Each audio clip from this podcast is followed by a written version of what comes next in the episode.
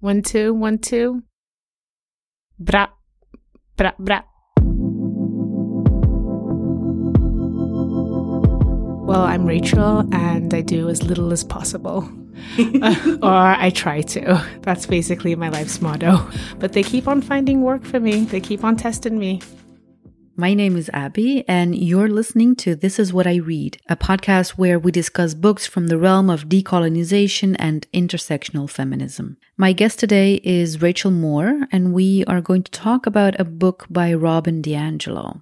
The book is called White Fragility Why It's So Hard for White People to Talk About Racism. If you're a white person and you're offended by the word white people, then this book is either not for you or exactly what you need if you're willing to deconstruct your feelings and your way of thinking. For Black people and people of color, this book is also an interesting one to read, especially if you want to understand why it's so hard to get your point across when you're discussing racism with white people.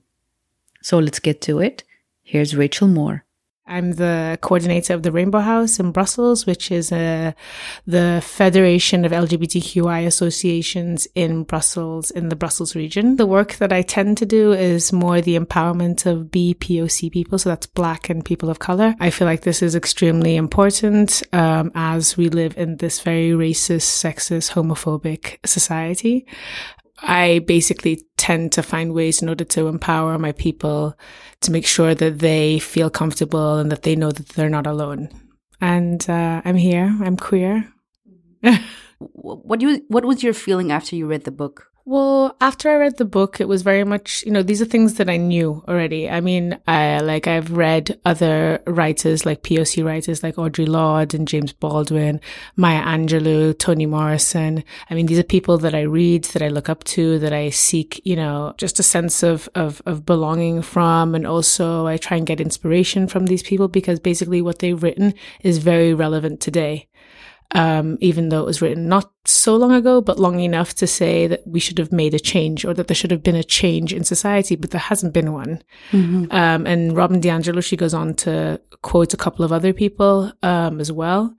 Um, so yeah, when I read the book, when I'd finished, I, I, I very much had a sense of I understood that she wrote this book predominantly for white people. That's what I that's what I understood from it. So mm-hmm. for me, it was good. Yeah, but she, that's also what she says uh, yeah. in the introduction mm-hmm. that that she's actually written this for white people so that they understand their racism. Mm-hmm. Um, Not and sure if they'll understand it after reading this. Mm, for me, it was I felt so hopeless. Um, we're not the ones who are going to change the situation. No. White people have the power to do that. Yeah. But in my eyes, they don't want to. No. I mean, look at the look at where we are right now. Look at where we are in society. They don't show me that they want to. I mean, the status quo works for them. So why would they want to? And even if they do want to, I still question. I ask myself, but why? Why is it that you want to when everything's working so well for you? When the system was built, you know, by your forefathers and you're just continuing, you're perpetuating that, that's it, that entire system. You say that you would want to change, but do you actually want to put in the work? And do you actually want to do it because it will come at a cost? So I, I, when I do give my workshops, I tend to ask people, yeah, okay, give me an idea, make a list of all the, of all, of all the things that your utopia looks like. So this, this world without, you know, capitalism, without discrimination, without racism, without sexism, without ableism, without all the isms, all of them. I tell them to make a list. And then I say, make a list of your privileges, of all the privileges that you have you know you're white you live in a in an affluent area you come from good stock or you have intergenerational wealth. Make me a list of everything you know write everything down and then i say okay for this utopia which one of these privileges are you willing to give up and uh, some of them are like, "Oh, I'd give up everything." And I'm like, "But do you really know what that means? Do you know what that would that, what that would entail?" Uh, and a lot of them are just baffled because they've never they've never once had to physically look uh, black on white on what that actually means and what their privileges actually are. So it's very confronting and yeah i don't believe them i don't believe it's and yeah i don't believe them now before people start calling us racist let's dive into uh, the different forms of discrimination that robin diangelo uh, writes down in her book so we have racism we have prejudice and we have discrimination so Prejudice is a bunch of ideas people have. So that means that also black people, Moroccan people can have prejudices against white people. It could, it's a possibility or Mm, it against each other. it's true. We're not perfect. Everyone has prejudices. Of course. But if you take actions based on the prejudices, that's discrimination. Yeah. But racism is an entirely different thing. It's a racial group's collective prejudice uh, that is backed by power of legal uh, authority and institutional control. Of course. We don't have that power. We don't have the institutions behind us and we don't we definitely don't have no legal institution behind us. So no. That's where like the problem already starts. It's by the definition of racism. Racism isn't fixed. It continuously evolves, it continuously flows. It is uh, interchanging because society changes with it, because our views changes with it. It racism isn't isn't isn't a solid structure. It's not a stone. And even stones get eroded by water, you know. Racism changes. So yeah, it's um, like uh, DiAngelo wrote um, racism is a structure, it's not an event. Yeah, it's a structure, but it's also a continuum. It it never it never stops. Like of course it's evolved. I mean, we've gone from KKK hats to now the MAGA cap. You know, The symbolism is it- still the same. There you go. We're still in the same place. You know. I don't know if you remember from chapter three, um, where she talks about racism after the civil rights movement. Of course, uh, this book is also for a, a mainly American audience. She makes that very clear in the book. So there's a chapter called Racism After the Civil Rights Movement.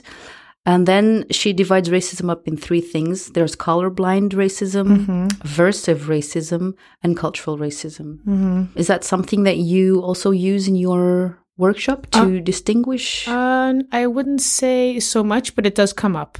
I mean, I mean, you will always face these different types of racism. Uh, so I think the colorblind racism is the, I mean, the, the explanation is in the name. It's the people that say, "Oh, I don't see color. You know, for me, it doesn't matter," um, and that's the way they tend to want to use to shut down the entire conversation. And then you have the averse racism, which is more for the progressives that say that, you know, no race, we're not racist people and we're very progressive, but we're, we're very accepting. It's the people that are like, oh, you know, but I've got black friends. I can't be racist. yeah, it, it helps you to maintain a positive self image. Of course. Um, cause it's all about the self. It's very much about individuality, individualism and meritocracy. So, yeah, we're playing with these two concepts. Um, I, I think when she breaks it down, when she speaks about it, it just makes it very obvious. And it, and it, and it like, it makes everything very real and also very, um, very naked hmm Yeah. you know it like it reveals it's like the curtain is taken away like i think as a white per- well i imagine as a white person i would hope as a white person when reading this book that a lot of the things that you weren't able to put into words uh, you'd be able to understand a lot better uh, right now because I think also with this book, she, um, you can tell that she's placed a lot of importance when it comes to the word choice. So the words that she's using, uh, she explains it extremely well, um, and she tries to keep it very, very simple. But even when she's going into more elaborate or you know complicated terms, uh, she does find a way in order to make it very, very open and very understandable for the for the for the reader. So that's what I that's what I enjoyed with the book because approaching this subject as uh, I mean she has a long history in in in, in dealing with diversity and, and things like this. Um, but when you when it comes to writing a book, it's not a very easy task to take on. No, no. She's very aware of the position that she takes in, in society. And I've written in the margin of the book so many times, oh my God, the patience Yeah. that this woman has. Yeah. You know, I lack the patience to do exactly what she's doing. And that's why I get frustrated sometimes. I just, I'm thinking, I don't have the, why should I waste my time educating someone who clearly doesn't want to be educated, but she takes her time. And of course, she, she, she writes a lot about the, um, workshops that she gives, uh, or, or, or, uh, co-directs. And, um, So she takes a lot of elements from her uh, from her work as well, where you can see how she really breaks down mm-hmm. certain conversations. Yeah, no, the examples were really well well chosen uh, in order to depict whatever subject that she was speaking on. It also gives a real life case mm. of the things that you, the things that we encounter, the things that she's encountered. I mean, and she also says that as you know, as a white woman, I can I can choose to step away, I can yeah. choose to step out, but people of color don't have that choice black and people of color, they don't have the choice to just to, to just stop. Mm. Uh, you know, she's always recognized. You know, people will ne- will never question her position as a white woman. Her her position is never questioned. Should she go anywhere? Should she be in any situation? She's okay. Mm. And I think that's um, that's that's a good realization to come to. But also expressing it in the book is also very helpful. But also, I think it's different with a book because it's not really it's not really a i mean she's it's a conversation so she's already preempting what the reader's going to think and feel especially because it's a white person. Yeah. Um and that i i, I really did like because there were certain moments in the book where she'll where she said like you know stop take a breath. You've gotten up till here. Mm-hmm. i know it's been a lot but we we're going to continue on doing the work Mm-hmm. So I think I thought that was really good. But I, I like just referring back to something that you said, you like you saying that you just don't have the patience to educate people. I don't believe that it's your responsibility to educate people. I don't like to a certain extent, and I know I know where you're coming from. I know I understand what it is that you're feeling, especially when you're in a conversation with a particular person. Um, you you want to give them this information. There's a there's a particular need and also uh, a, a sense of duty in order to share this information because you feel like how else are they going to get it? How else are they going to to have access to a particular perspective that they wouldn't usually have access to? Personally, I don't believe that you can educate someone who does not want to be educated. Mm-hmm. If they've come to you and you and they already express, you know, what Rob, what Robin has talked about, like the denial and the defensiveness and the the just lack of willingness to understand your perspective, step away. Just let it go. I don't have the time. You don't have the time. I want my skin to keep on looking good up until I'm 80. like I'm not, I'm not here for it. I'm not, I don't need to do it. Neither do you. Neither should anybody feel the need to do that because it's not your place. Uh, to again it's like it's like when we look at our society is there a willingness to change? You know they every year they come out with these campaigns and it's beautiful and we're all together and we're working more, more towards an inclusive society and we love diversity and we love integration whatever that fucking means. Mm-hmm. uh, but are there any structural changes going on? Are there and, and they've had time and chance and chance after chance in order to implement structural changes. You can see it already with the Africa Museum. Um, that was a extremely long project, extremely large project. Where were the black people? Where were they? Did they not have a chance to contact them? What was it? Did they not, were they not able to find them? I don't know. But all I know is that they have shown me yet again that they are not willing to do the work, but they're willing to use, you know, certain aspects of other people's work. They're, they're, like, they love to play with the words of like decolonization, of intersectionality, of, oh, you know, we're going into a post colonial era. No, we're not. no, we're not. we're not even close. Do you feel like words like uh, decolonization and, and intersectionality are being, yeah, of course they're being misused, but can we you know black and, and people of, of, of, color can we still use them? Yeah we can still use them. I think it's i think it's our prerogative and it's uh, it's extremely important that we continue to use them. We continue to show that this is how this word was meant to be used. This is uh, this is the actual definition. This is the people that you need to be speaking to. I mean like kimberly crenshaw is still around. Mm-hmm. she's the one who invented it. You can just call her up and ask her you know how do we go about this? Um, but do they want to do that? No no, they they because it's too painful. Let's talk about chapter six, which is about anti-blackness. Mm-hmm. So here she focuses on uh, black people, African American, and she says that scholars argued that white people project on black people the aspects that they don't want to own themselves in themselves. Um, is that something that you agree with? Mm. Or is it a mm. very American situation? I think it's a very American situation. Like, I'm not. I, I wasn't really with the anti-blackness chapter. I I felt that it was much more. It's very much leaning towards a, an American context. So you have to be thinking along the lines of the American context. So when we're reading it from our from our context, from from a European stand, uh, standpoint, it makes it a bit difficult. But there's a lot of uh, things that we can. There's a lot of similarities that we can that we can take from it.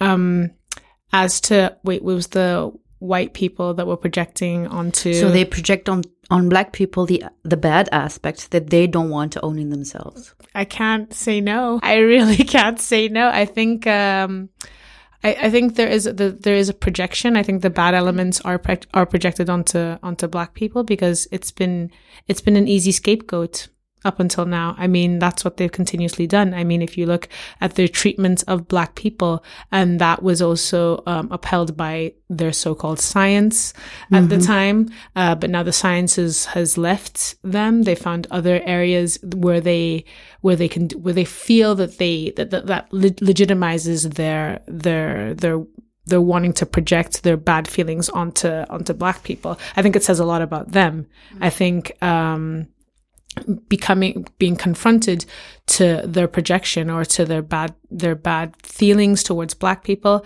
is is just too much at the end of the day. So they're consistently looking for reasons or excuses in order to legitimize mm-hmm. their feelings. She also writes that anti blackness comes mainly from deep guilt about what we, white people, mm-hmm. have done and continue to do, the unbearable knowledge of their complicity with the torture of black people then and now. And this kind of reminds me, because she also says there's a kind of moral trauma for the white collective as well. And this reminds me of Toni Morrison, who said something like, you know, slavery also broke the white psyche. It's not, it's not been uh, traumatizing only for black people, but also for white people yeah, because they realized that they were capable of such horrors. Of course. I mean, the entire process. I mean, they say that they dehumanized us, but they also de- dehumanized themselves in order for you to to to cause so much trauma, to cause so much violence, to to to continue on those cycles of violence, and then build your society on top of those foundations of violence and trauma.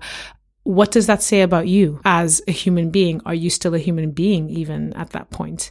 For me, that is actually where the the where the key lies into making white people realize that racism is actually hurting them as well. If if anything, it's it's a bigger problem for them than it is for us. Um, at the end of the day, they need to decide on what they want to do about it. I mean, James Baldwin has said this, Toni Morrison has said this, everybody's gone and said this, but they just don't want to listen. And if you don't want to listen, then we're just going to continue on. We're going to continue on. But I don't know. I don't, it's not looking good for them. I mean, we're building Wakanda. I'm just letting y'all know. when it's done, we we're, we out. So DiAngelo writes that white people expect racial comfort and become less tolerant of racial stress all in the same time. And then she lists, you know, reasons why uh, white people are defensive about the the mere suggestion that they benefit from and are complicit in a racist system let me get that list.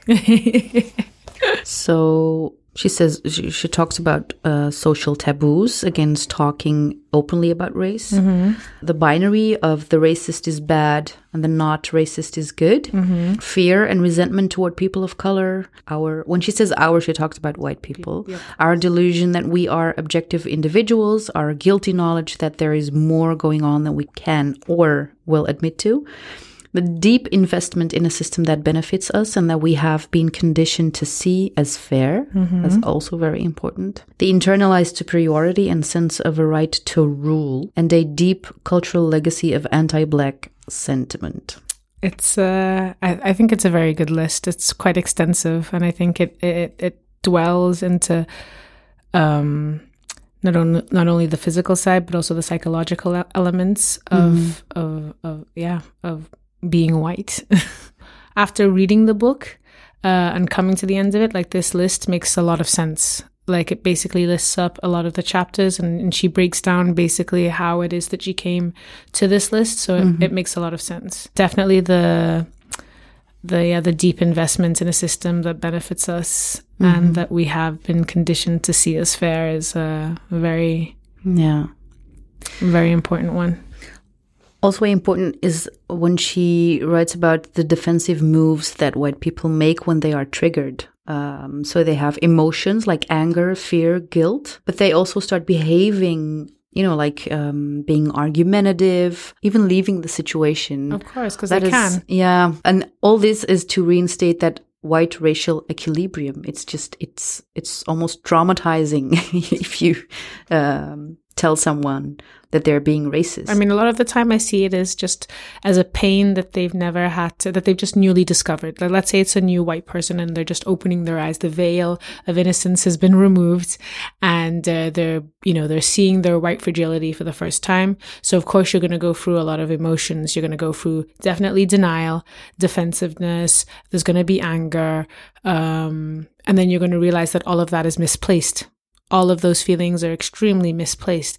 Um, at the end of the day, I feel like um, if anybody has the right to be angry, it's the BPOC people that are putting in the work, that are sitting there, but still have the the patience and the the energy and the the poise in order to just stay and want to continue on this conversation and continue on the fight. Because we don't hate white people, we don't No. like, but we do have all we do have all the reasons to when you look back, I mean, and and it also falls back on the case of of our education system. Like, what is it that we've learned? Um, we know that we, you know, we extensively look at World War One and World War Two. When it comes to slavery, oh, we go, we go very, very quickly, very quickly. Let's let's walk through this very quickly, very fast. Even though it's a very extensive part of our history, especially the Belgian history. I mean, everything that we have today in Belgium is due to the Congo you there's no shape way or form there's no certain aspects of this society in this country. You're not going to tell me that coal and uh, wood paid for everything up in this country. It didn't. I am so sorry. And we're still implemented i think. Belgium belgium is still implemented in the in the congo region in the rwandan region in uh in in africa. So yeah I, I I I just believe that you know if black people want to be angry, they have the right to be angry. Mhm. But of course, that's not. I hope that's not the end point. That we are that black people and people of color are angry and just stay no, angry. No, of course not. I mean, would we be able to function? I don't think so. Um, and we're not continuously angry. I mean, uh, I think we'd all be dead by now if that were the Mm. case. Stress would kill us. Yeah, it would. Um, but we're not. Um, and we're still here and we're still willing to put in the work, but they have to be willing to do it with us. You know, Mm. like, like Robin DiAngelo said in the book, you know, women didn't get the right to vote without men's help and racism definitely won't end without the help of white people. So, I also want to refer to uh, a point that um, Robin DiAngelo made in the book, where she says that the trigger for white rage is also black advancement.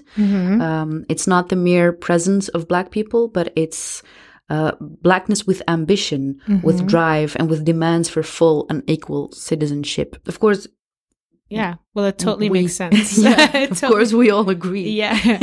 it I mean it totally makes sense when you look at our society and you look at the history of our society. Everybody that did that made the first step. I mean, they killed Malcolm, they killed Mhm. Martin, uh, they killed Lumumba, they Mhm. killed all of these people because they were wanting to advance and they wanted to advance without white people. They just wanted to advance, advance the, uh, the their communities, the Mhm. society, and of course there's going to be resentment.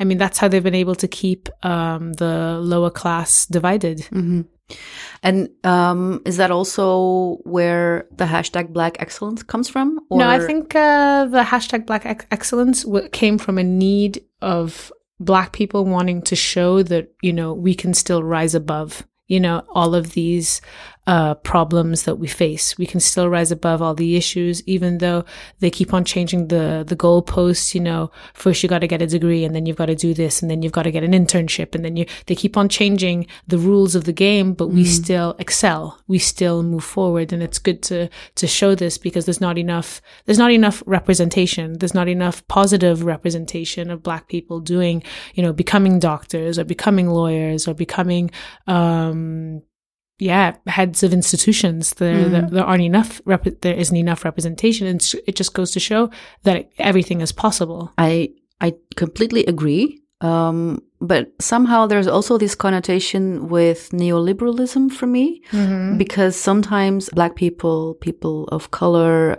are rising to these, you know, uh, higher functions in, in, in an organization, for example, but they just reproduce the racism. Yeah. The system also has an influence on you as a person. They don't want to be shunned by the whiteness that is now accepting them in their ranks. They don't want to step out of line. I understand. I understand it's a it's a double edged sword, but it depends also on the person. You know, you've got uh, BPOC uh, that want to emulate whiteness. Mm. We have that. We have that. They think that they can, you know, they can strip themselves so much of themselves in order to be white to a certain extent that they will be accepted. Mhm. But um, yeah, that's a that's a choice. But how do we deal with that as a, as communities or a community? How do we deal with that when we see someone who's you know grown up with us as an activist or uh, a social uh, justice worker who suddenly becomes I don't know a politician or someone who's in the media a lot as a as a as a pundit? How do you deal with that? You just say bye bye. Mm, I don't know. I I'm not sure. I wouldn't I wouldn't say bye bye, but I would I would con- it's still a conversation. You know, it's still a conversation, it's still a debate. You still have to come with arguments and I would argument the white out of them. That's that's what I would do. I still have the time and I have the energy for it. I think it's I, I mean, we have a lot of fallen people. We have a lot of people that, you know, you make mistakes. You're a human being at the end of the day. So um I still have that compassion and that empathy for those because it's it's not an easy road. It's not an easy task, you know, being doing what we're doing. It's not it's not easy. And yeah, you can lead astray, but you know, you're always welcome to come back.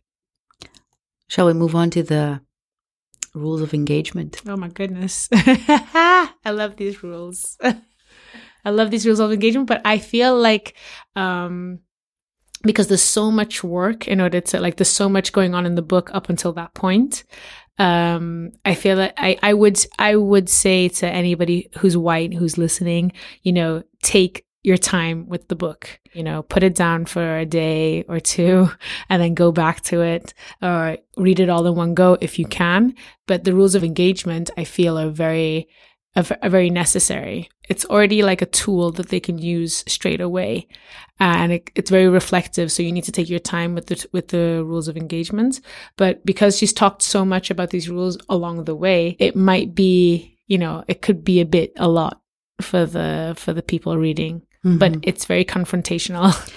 Yeah. So what it does is is um, it kind of lays bare the different difficulties uh, BPOCs have, or even white people, when they want to confront other people with their racism. So yeah, basically what she's saying is these are a set of rules um, for how to give white people feedback on their inevitable and often unconscious racist assumptions and patterns. And um, she said basically that she's only found one way to give feedback without triggering white fragility, which is to not give it at all. Yeah. which I found was funny. It's true. but um, here are some of the rules. Um, do not give me feedback on my racism under any circumstances. okay. Bye. yeah, basically, that's when POC and Black people need to walk away just as soon as they say that. Um, So that's the cardinal rule. That and is- if you happen to, if you insist on breaking this rule, there are other rules. Yes. Um, so, as a BPOC, proper tone is crucial. Feedback must be given calmly.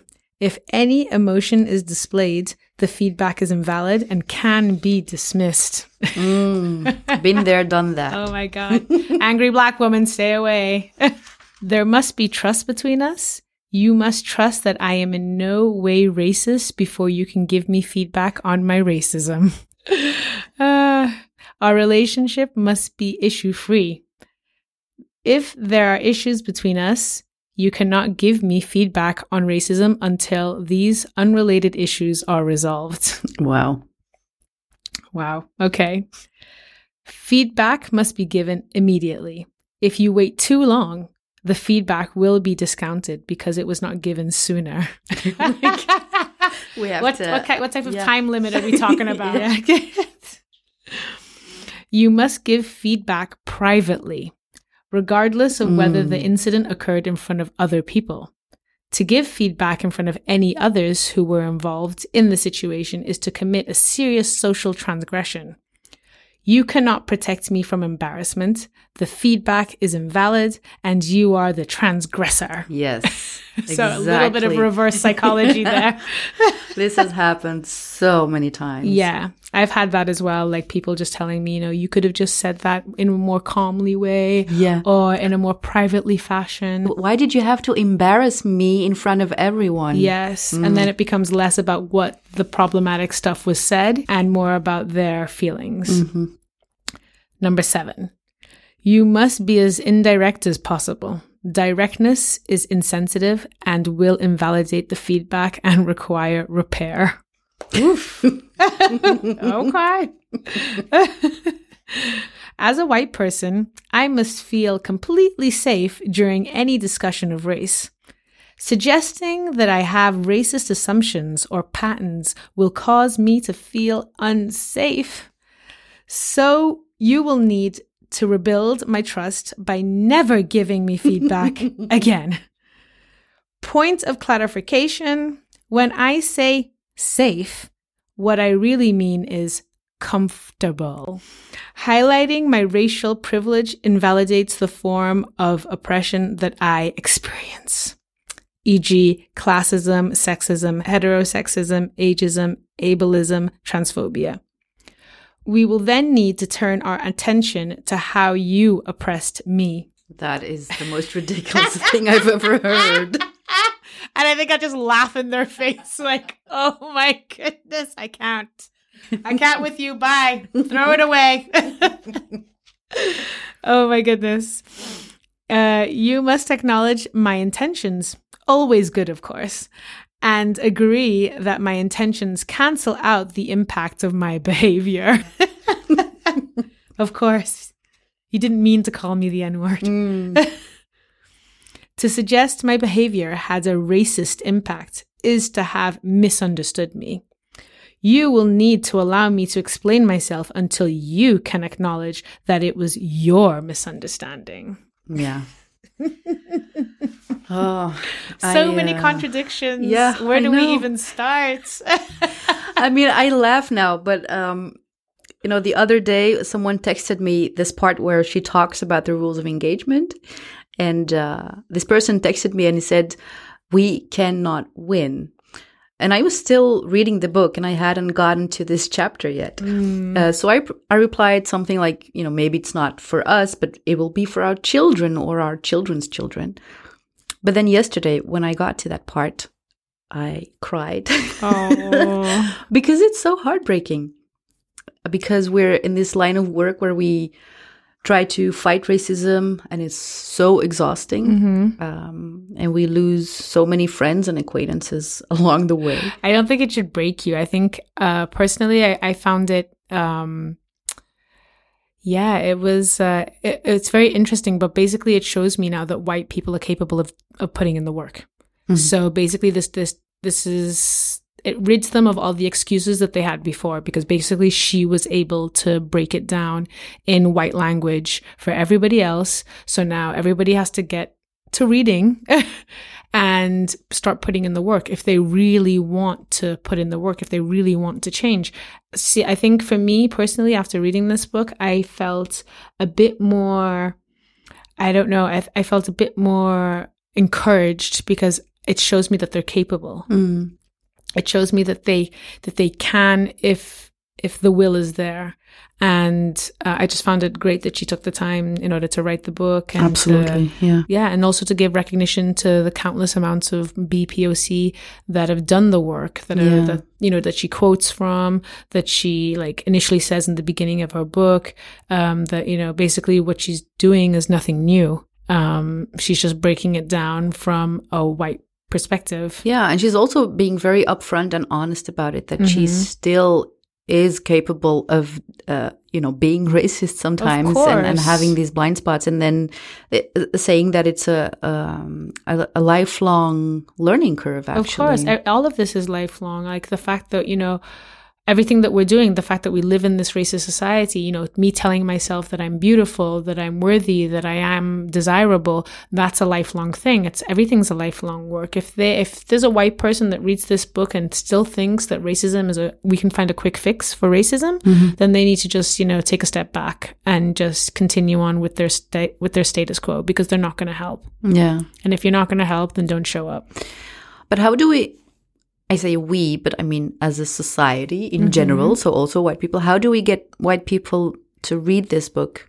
And also BPOC who maybe need to still, you know, know yeah. know the entire structure of, of why it's so uh, so difficult to talk about it. Mm-hmm. I think it put a lot of. I think it's good to be able to put words to particular feelings, especially when it comes from the white perspective, because um, we're quick to I wouldn't say dismiss, but we, are quick to say it's it's all under defensiveness or denial. But she really took the time to break it down and to say why it is. I mean, like how they're feeling and just and really describe how it is that they react, especially with the rules of engagement, especially when you speak about racism as a B, as a as a black person. When I read that, I was just like, of course, this is what they're this is what they're consistently doing. This is what I consistently have to deal with. Um, so how do we get them to read it? I don't know. We got to take down the price. We got to talk to capitalism.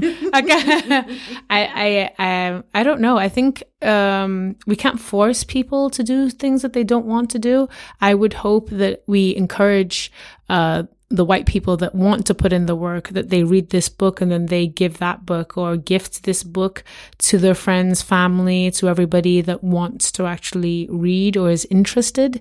Um, I think there's different types of ways that we can encourage people in order to get them to read. Um, I'm not even sure if there's like a, a listening version of this yeah, book. there is. Oh, okay, well that's good. Uh, I'd, I, yeah, you know, for make it accessible. It's, mm. it's just a question about making it accessible and just yeah, easy for people to digest because people, you know, people's concentration spans are pretty short nowadays. Mm. And if they're invested, as she says, if they're if they're invested in societal change, then they'll pick up the book. But if they're not, then they'll just stick with the status quo. Mm. Yeah. Do you have um, any last thoughts? Any last thoughts? Robin DiAngelo sounds like a black name. I thought she was black when I first when I first heard that. I was like, "What?" And then I saw her photo, and I'm like, "Ooh, okay." Then it became interesting. Then I was like, "Okay, let me let me let me listen. Let me see what she's talking about." And yeah, I thought it was a very. I, I can understand, um, like your emotions whilst reading the book because you realize that white people if they wanted to they could change all of this. Yeah. It could have been it could have been easy but it's it's not going to be easy.